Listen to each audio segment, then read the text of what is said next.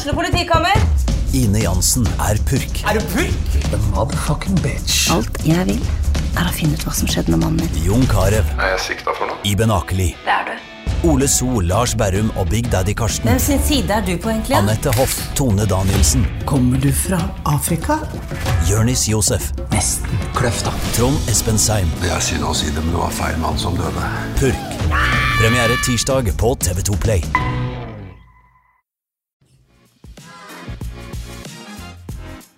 Ja, og ny episode i dag, og vi har med Linn Hilde Fosso.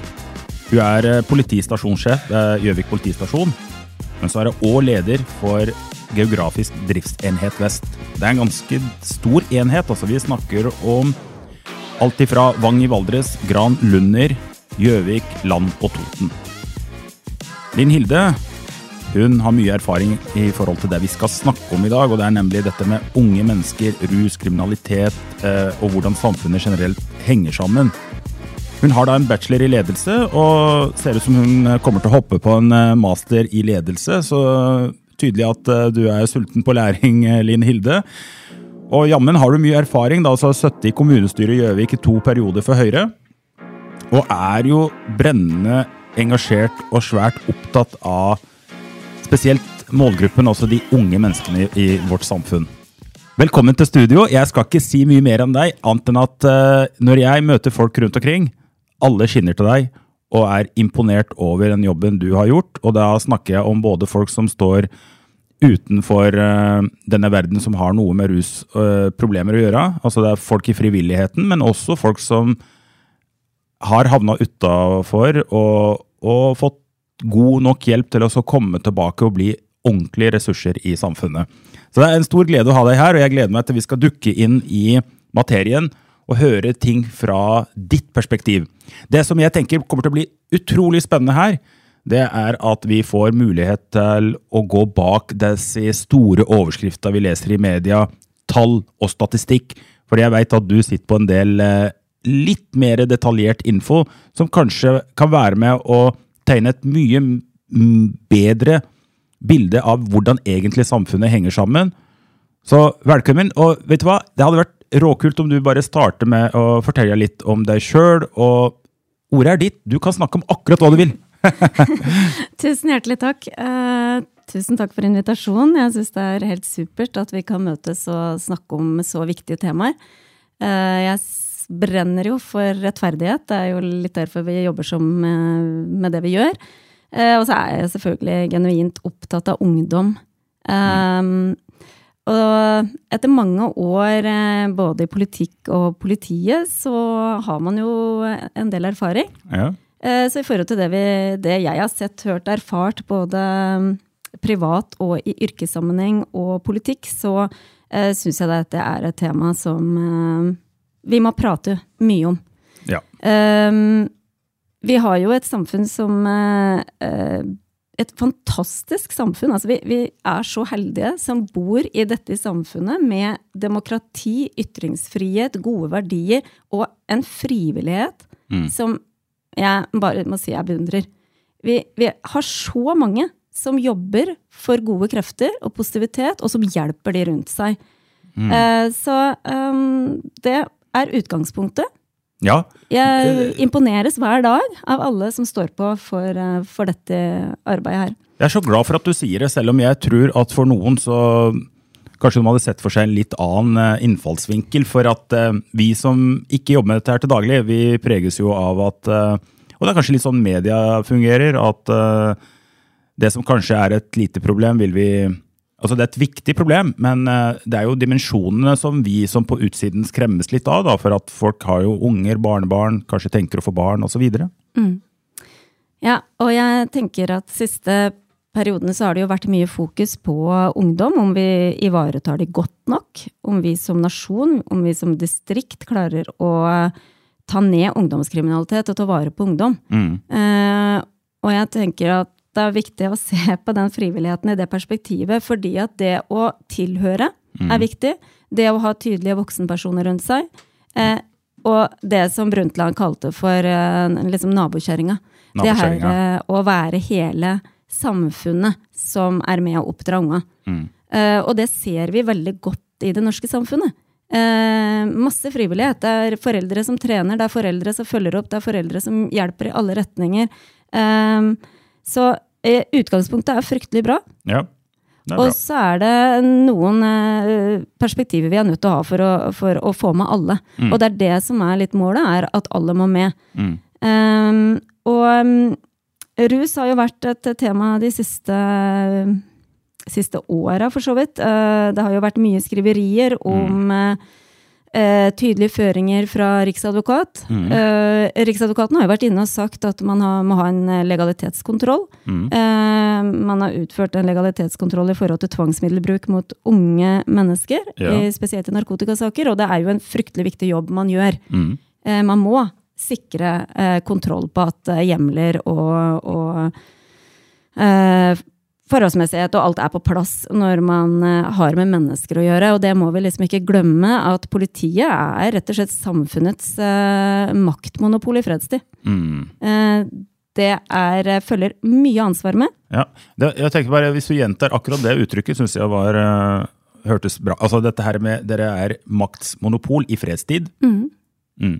Og det, det, er en, det er noe man må Det må man kjenne på litt, og man må eh, reflektere litt over hva det betyr. Det det i hvert fall betyr, er at vi er helt avhengig av Mm. at befolkningen har tillit til oss. Ja. Eh, og det er det vi jobber med hver eneste dag, er at vi må sikre tillit. Og i det perspektivet så er legalitetskontroll og det at vi har en tydelig ledelse i politiet som etterser og etterprøver at vi gjør ting på en, på en ordentlig og profesjonell måte, det er veldig, veldig viktig. ja. Du er jo jurist i bånn, og det er liksom jeg, jeg, jeg, vil si det er et slags eh, Ja, altså du er jo da veldig opptatt av det eh, regulatoriske, da, det hører jeg. jeg sånn, I tillegg til å være opptatt av rettferdighet, så er det, er det en eh, utdanning som du har fått veldig mye nytte av opp gjennom åra, føler du? Ja, det er klart at jeg har jo jobba Jeg har jo jobba med for så vidt juridiske problemstillinger i mange år. Også som leder så er det jo mange juridiske problemstillinger. Mm. Så mener jeg selvfølgelig at eh, sant, det ligger mye i, i rammen rundt. Men det er klart det er jo helt avgjørende at vi forholder oss til rett og galt, og at det er en forutsigbarhet i samfunnet. Mm. Eh, alternativet hadde jo vært dårlig, og vi ser det jo i enkelte andre land der man eh, rett og slett turer fram. Så det er klart at det er en avgjørende faktor for et demokrati. Ja, og den vil jo da sikkert gå rett i kjern på dette med tillit. og Er Norge, i, hvis vi ser det i et litt større internasjonalt perspektiv, er vi en av de landene som har høy tillit til politiet og andre statlige instanser? Ja. Ja, Så Vi der er vi helt er i særklassen? ja. Ja. Vi, eh, vi har jo undersøkelser på det jevnlig. ja. Eh, Det man har sett eh, på den siste undersøkelsen, er at tilliten ikke er like høy Den er, som sist. og sist, det, snakker vi ett år tilbake, eller ti år? Nei, vi snakker sånn hvert andre år. Ok. Mm, så det tas relativt uh, jevnlige utsjekk på Mm. om tilliten uh, på en måte er på plass. Og det er jo viktig at man rett og slett har, tar temperaturen på. Mm. Uh, og så må man jo huske på at ikke sant? man har hatt en del saker siste året også. Vi har hatt Birgitte Tengs uh, utfordre oss ganske mye. Ja. Baneheia-sak utfordrer mye. Yep. Um, og så har man jo dette, ikke sant, at man har disse høyesterettsdommene som kom, som sa litt om eh, ikke sant, eh, besittelse av narkotika til eget bruk. Eh, det er ikke det at det er straffritt, men man har i hvert fall sagt at det er mindre straffverdig. Eh, alle disse utviklingstrekka, da. Det er klart at noen berører oss mer enn annet, men i hvert fall sakene da, hvor det er åpenbart begått feil tidligere, Ja. Eh, Det er forståelig at vil eh, redusere tillit eh, på kort sikt, og så må vi jo sørge for at vi gjenreiser det. Det er klart. Også, det det er jo en kjempestor organ, og, og hvis det først er noe avvik, så vet vi jo det at dem går ikke under radaren. Nei. Nei, så her er. Ikke sant? Så, så, og det tror jeg dere har sikkert kalkulert inn, men dette sier jeg bare for at jeg tror uansett hvem det er og hvilke organ, så vil vi på et tidspunkt, så lenge det er mennesker involvert og det er eh, et stort antall, så vil det jo skje ting som vi ikke er så veldig fornøyd med. Og, men så er det noen bransjer hvor eh, ting skjer og det blir rydda opp i. Lokalt veldig sånn lukket, mens det dere holder på med, er jo veldig offentlig og, og Yes. Jeg skal ikke gå så mye inn på det. Jeg, jeg, jeg har lyst til å ta noe perspektivet fra litt altså Vi har vært helt oppå det internasjonale, hvordan det henger sammen tillitsmessig i Norge sammenlignet med andre land. Og vi er veldig godt fornøyd med det, men jeg hører òg at du mener at vi har en jobb å gjøre i forhold til å opprettholde det og bli enda bedre, for så vidt. Så, men jeg vil gjerne liksom nå trekke, trekke fokus litt inn på det lokale. Og, og, lokale i den konteksten, selv om du er ansvarlig for en veldig stor eh, driftsenhet uh, geografisk, så, så, tenker jeg da spesielt på Gjøvik og det vi leser om.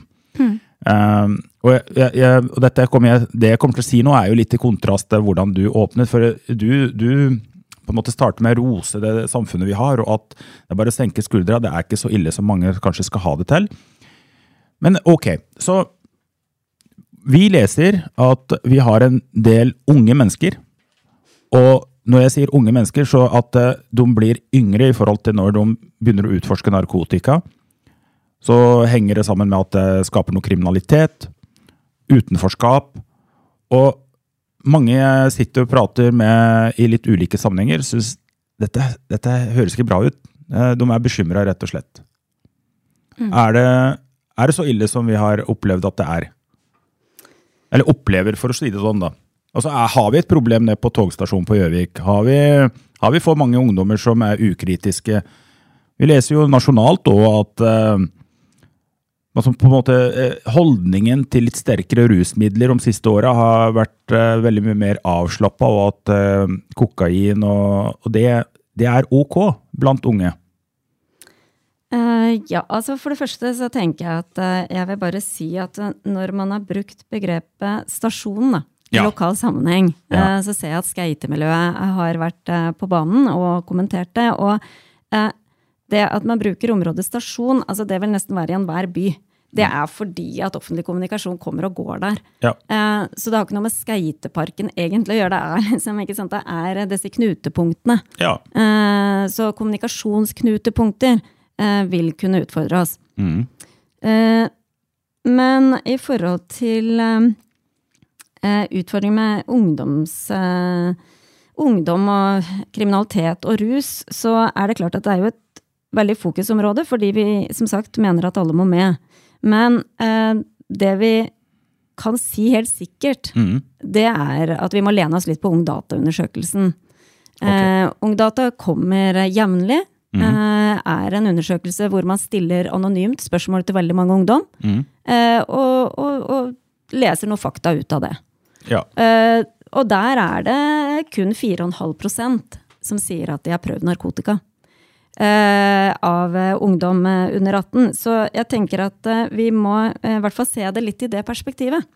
Men ja. det undersøkelsen også viser, er jo at hvis man spør utelivsmiljøene ja. um, Det er vel ikke samme undersøkelsen, men man har gjort undersøkelser der man har stilt spørsmål til folk som frekventerer utemiljøet jevnlig. Eh, og der vil andelen som svarer ja, være ganske høy. Ja. Eh, og jeg tenker at eh, vi må i hvert fall ha, viss, vi må ha et perspektiv som er balansert på det. Ja, Men når du mm. sier ganske høy, og så snakker vi sånn Jeg har notert meg at vi kanskje 15% cirka? Stemmer. Ja, Så vi snakker tregangeren. Så her handler det veldig mye om åkke du spør, hvor du spør det om, og, og Eh, så noen miljøer er det mer konsentrert enn andre. Ja. ja. Ålreit. Men så Jeg vet ikke åssen har de tallene vært for eh, fem år tilbake, da.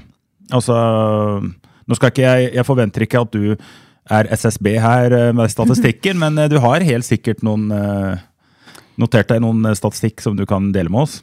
Det som er utfordringen, syns vi, er jo at ja, altså det, det har vært en 3,5-4,5% kanskje over år, men det som er utfordrende, er jo at um, det vi ser, hører, erfarer etter mm. korreksjonene, på en måte, da, eller i hvert fall etter legalitetskontroll og det som på en måte i hvert fall turnerte i farvannet av det, det er jo at vi har kontakt med masse foreldre mm. som er bekymra. Uh, man hører jo historier om at det har vært fester, og det er funnet kokain på en fest. Uh, uh, og det er klart at det som jeg tror er utviklingen, er i hvert fall at ungdom i dag uh, er ikke like opptatt av hva de rundt gjør. Okay. Det kan vi se og høre og erfare at man i hvert fall ikke er like opptatt av det. Så man vil fort finne miljøer hvor kanskje få bruker, Mm. men uh, flesteparten gjør det ikke. Okay. Så det, men det er klart, uh, vi har et samfunn som, har, eh, som på en måte normaliserer det på mange nivåer, og jeg syns det er viktig at vi som samfunn er opptatt av å eh, snakke litt sånn lege ferenda-tanke. sant? Hvor vil dette samfunnet?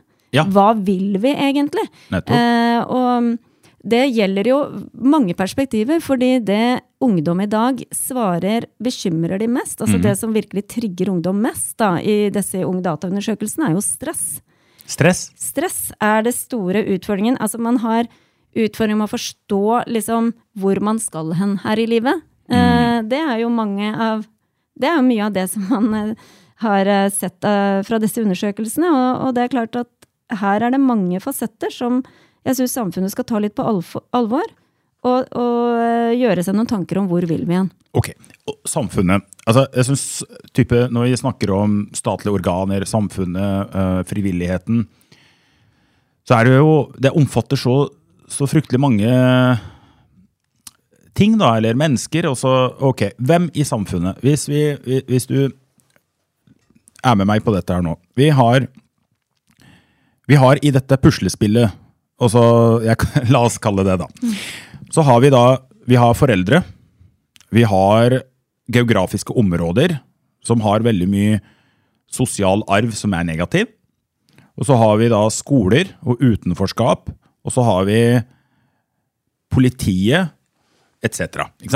Men hvor er det fordi jeg tenker liksom, Det jeg ønsker litt at vi skal få bedre forståelse av. Altså, er vi på rett vei? Er vi på For er problemer med rus og mennesker som eh, havner i trøbbel, det, det vil vi alltid ha. Og så er spørsmålet er vi da Er den trenden negativ? Er den positiv? Og så er det sikkert ikke bare enten-eller. Men hvor er det det hele starter? Altså det samfunnet, Hvis vi starter med samfunnet, hvor er det det hele starter? Ja, altså Etter min mening, da, som eh, først og fremst eh, politisk engasjert, så er jeg jo opptatt av tidlig innsats. Eh, og jeg tror jo at samfunnet ville ha eh, spart mye ressurser på at vi hadde vært tettere på tidlig. Eh, og det er klart at vi er jo et land med en særdeles stor offentlig sektor. Ja. Eh, og det er klart at på det tidspunktet man på en måte involverer seg i barns liv, da, Mm. På ulike nivåer, om det er barnehage, skoler, eh, politi, eh, kommuner, altså hva det nå enn er som er inne i bildet, barnevern, så er det viktig at eh, man har en, liksom en tydelig rolle, tenker jeg. Ja. Og at man er klar over at man må levere noe som faktisk gir en merverdi, da. Og det er jo det som kanskje utfordres litt i samfunnet òg, er jo at vi må på en måte lage ramma sånn at det blir bra, da. Og noen ganger så, så kan det jo kanskje være at bare sånn som skolesystemet i dag, det er klart at vi har jo en eh, enhetsskole. Mm. eh, hvor alle skal med i samme skolen, og det, eh, det må man jo da ressurssette for. Ja. Ikke sant? Altså, Det er jo viktig at man da gir lærere og andre en ramme til faktisk å drive læring. Mhm. eh, og i dag så syns jeg at det er mange elever per lærer. Eh, noen har eh, sine utfordringer, det er naturlig, og da må man kanskje se på om det er nok ressurser inn i tidlig fase Ja. for å kunne få gode løsninger etter hvert, da, Ja. tenker jeg. Det jeg hører du sier, gjenta med mine egne ord, vi har søren meg ikke nok ressurser i tidlig alder til tross for at vi vet at dette funker. Og det er et jeg skulle til å si jævlig problem, men det er et stort problem.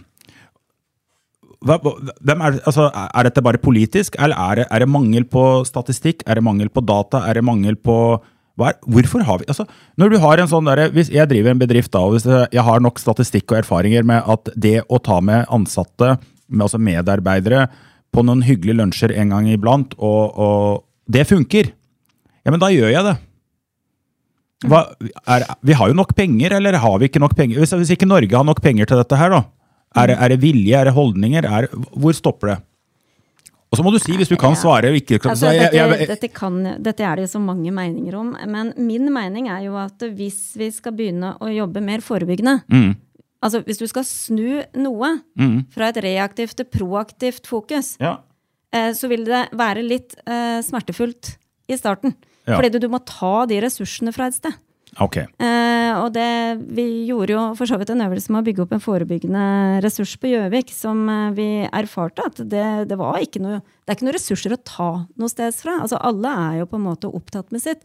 Men det er klart at eh, det kan være at det å i hvert fall gi en bedre ramme tidlig, mener jeg må være en helt avgjørende faktor for at vi skal færrest mulig som faller utafor, og, Ja. og også psykologi. eh, Altså dette med oppfølging i forhold til eh, psykisk helse, og at vi har eh, At vi greier å få til tidlig innsats på det, det tror jeg blir avgjørende. Den er god. Det er på et systemnivå. Det er på et systemnivå, stort systemnivå at vi skal ha det.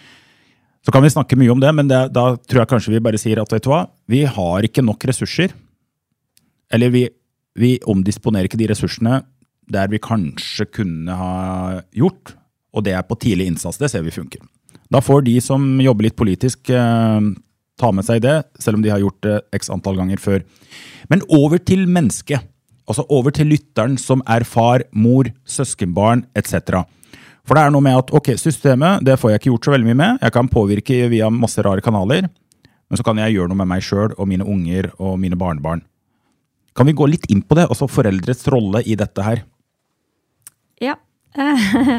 altså, vi møter jo stort sett eh, masse flinke foreldre eh, som eh, er tett på. Og så tenker jeg at hvis det er en utfordring vi har generelt som samfunn, også i forhold til foreldrerollen, så tenker jeg at det kanskje kan peke på noe så enkelt som mobiltelefon.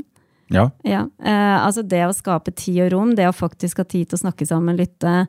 Eh, jeg kan jo bare si fra mitt eget, min egen erfaring hvor, Ja. eh, hvor vanskelig eh, dette egentlig har blitt etter hvert, da, når man skal være tilgjengelig hele døgnet.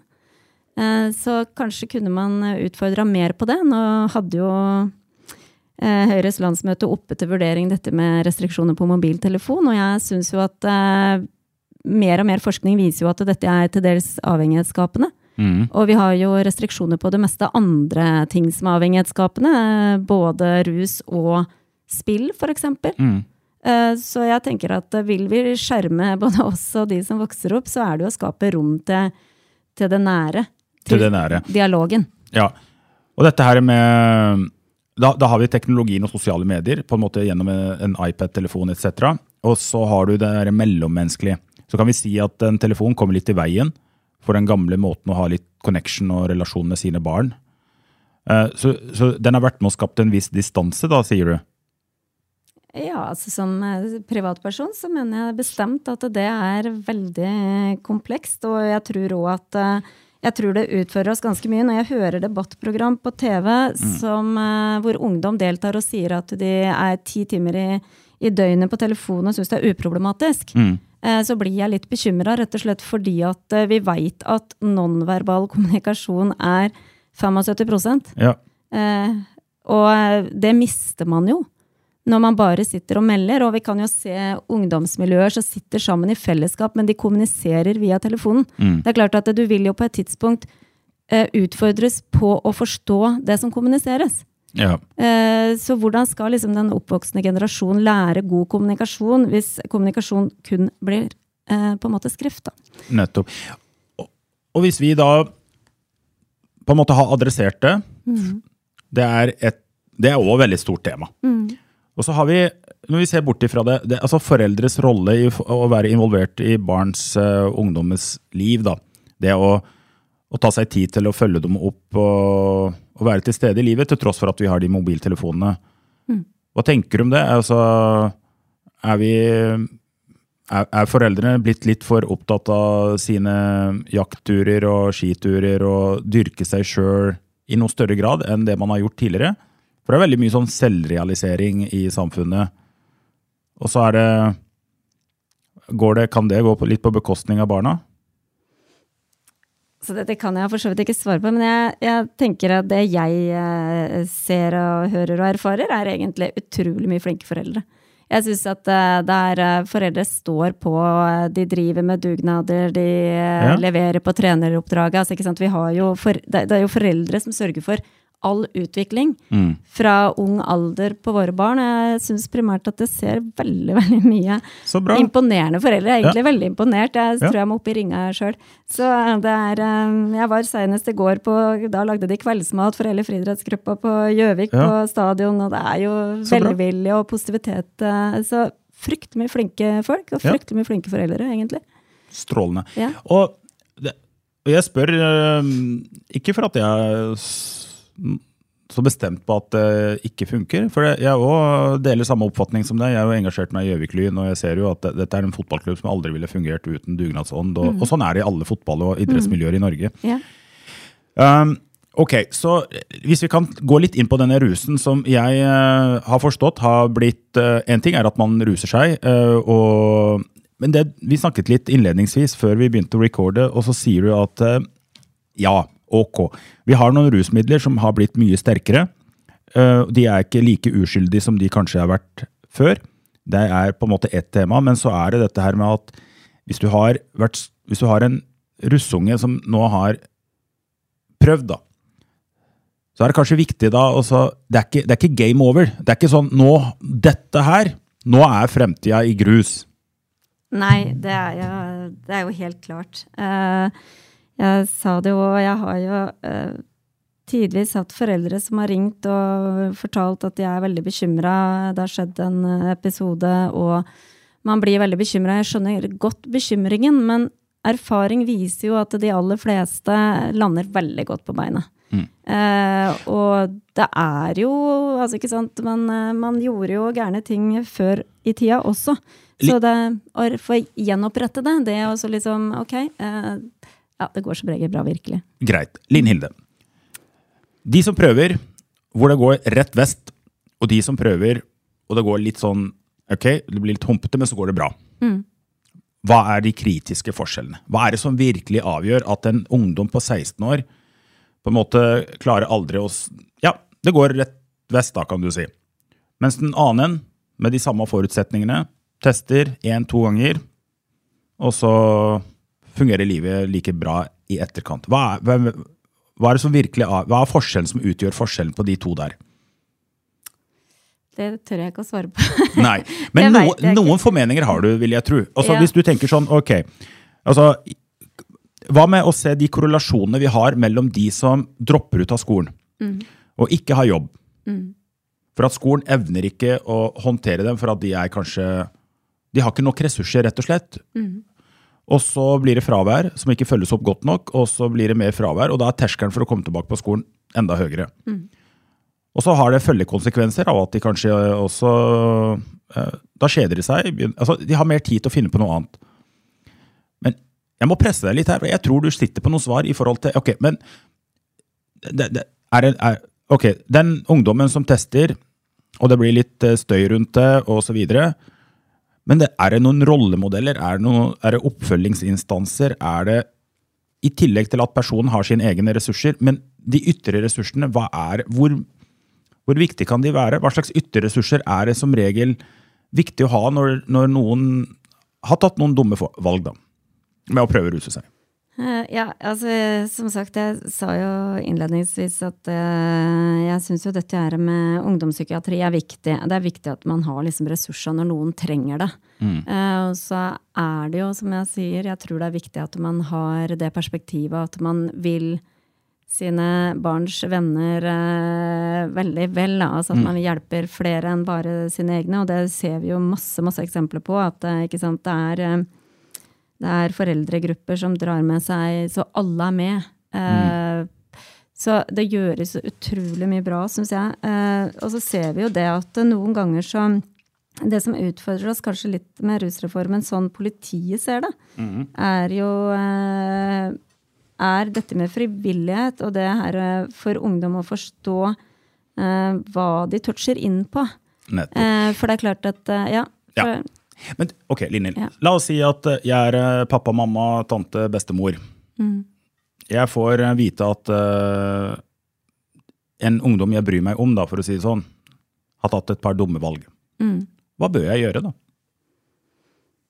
Altså, ikke nødvendigvis fasit, men hvis du kommer med en meny da, som, som du har sett funke, Altså, Man kan jo ignorere og tenke dette går over av seg sjøl. Man kan ta prat med ungdommen. Man kan ringe politiet. Man kan ringe venner. Andre, altså, det er jo mange ting man kan gjøre. Altså, jeg i hvert fall har jo trua på det å være tett på, og det å veilede med omsorg, da. For det er klart at uh, jeg har jo sagt det, at vi har jo noen eksempler på ungdom som uh, kanskje har vært uh, utagerende eller prøvd rusmidler hvor kanskje den underliggende årsaken er noe man sliter med, noe man er nødt til å snakke om. Og vi er litt opptatt av å finne årsaken, da. Ja. Hva, er, hva, er, det som egentlig er utfordringen her? og så er det jo at andre selvfølgelig ikke sånn. Det er jo ikke sånn at det er ulikt, men i hvert fall der det kanskje er en sårbarhet da, av ulikt slag. Det kan være folk som akkurat har flytta. Det kan være mange ulike ting da, mm. Som selvfølgelig gjør at man blir litt ekstra sårbar. Så tror jeg det er viktig at man har tydelige voksenpersoner rundt seg som har omsorg, god omsorgsevne. Mm. det er noe med å liksom prøve å sette seg inn i det og forstå at det kan være ganske vanskelig å være ungdom. Og, og det å være ungdom er til alle tider vært krevende. Ja. Det er eh, noe med å, finne seg sjøl og, og Så det at det skjer litt utfordringer i oppvekst og i ungdomstid, det er jo egentlig ingenting nytt. Nei. Det er en, uh, kanskje mer uh, vanlig enn uvanlig. Mm. Så det å da ha tydelige og gode, empatiske voksenpersoner rundt seg som kan veilede deg godt, det tror jeg da lander de fleste godt på beina. Ja. Så hvis jeg forstår det rett, da, så er det det å holde roen, da. Og så på en måte inn, erkjenne at dette er en del av realiteten vi må leve med når vi har ungdommer som vokser opp, enten det er på 70-tallet eller i 2050. Mm. Så er det sånn at uh, de prøver å finne seg sjøl, de kommer til å ta noen sånn. Så noen litt mindre kloke valg, og da er det viktig at vi voksen Altså at, at man holder litt troen. Også det du sa kanskje også, Jeg tror det er viktig å ikke se ting verre enn det det er, og så skal en ikke heller på en måte bare ignorere det. Men da er det kanskje lurt da, Linn Hilde, å, å, tenke på det du sa, at de aller, aller fleste da, de går det bra med. Mm. Og så er det mange som tar mindre kloke valg med rus og litt for mye festing og kanskje havner i litt trøbbel.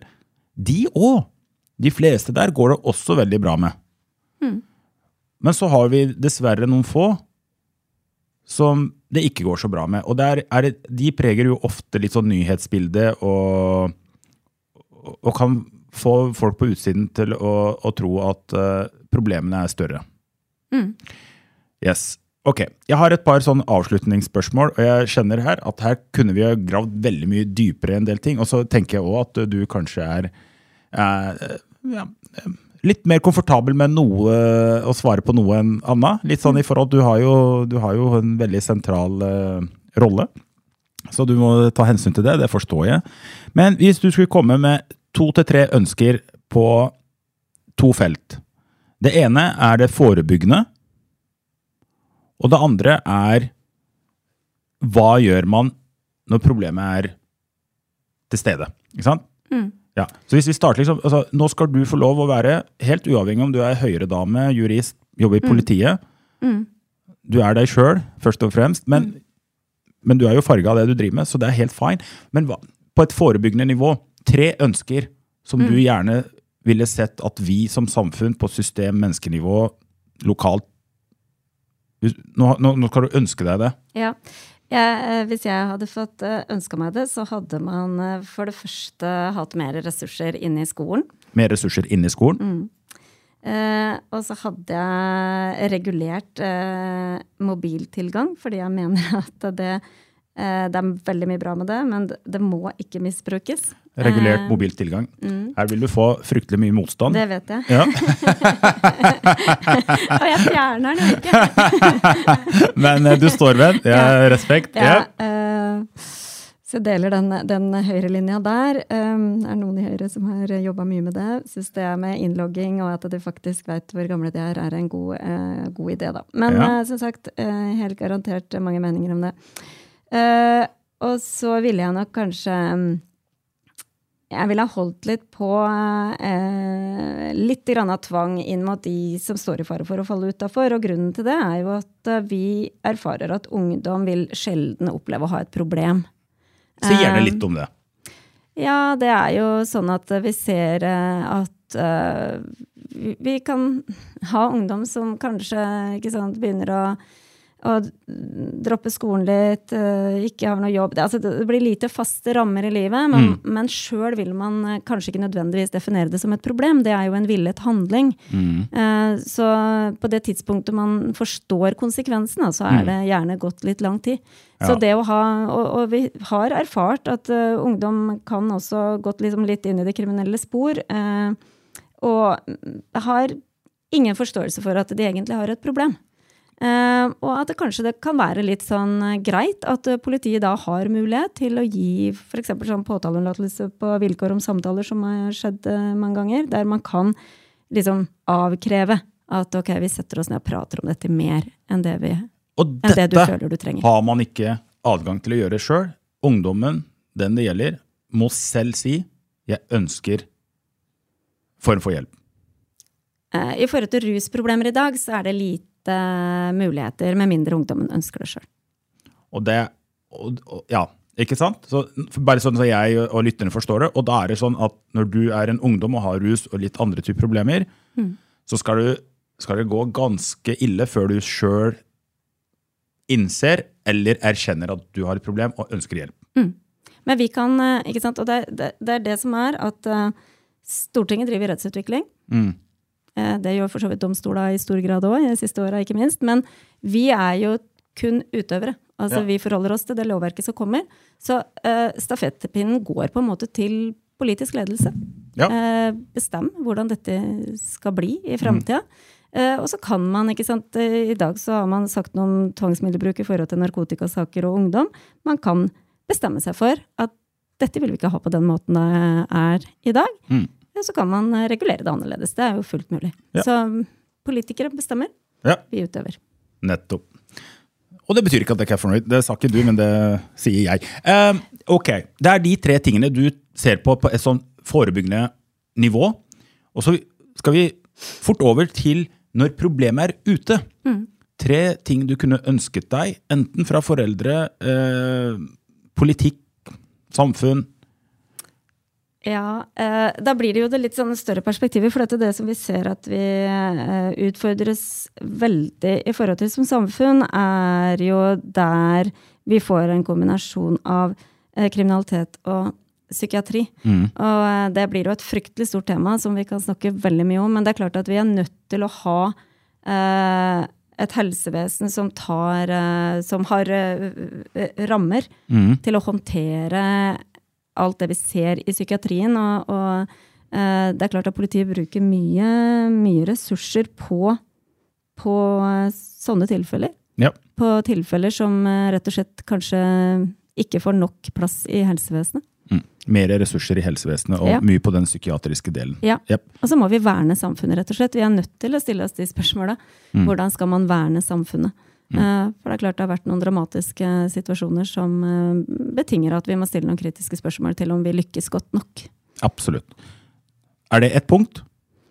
Ja, det er Stort punkt. Ja. ja. Du, kom, du, altså, du, har jo mulighet du, ja. ja. To til som du tenker vi kan gjøre som samfunn når uh... Jeg skulle hatt mye, mye mer forberedelse, vet du. jeg syns du gjør en fantastisk jobb. Ja. ja bra. Men du vet, det er ikke alltid lett å snakke med meg. Nei da.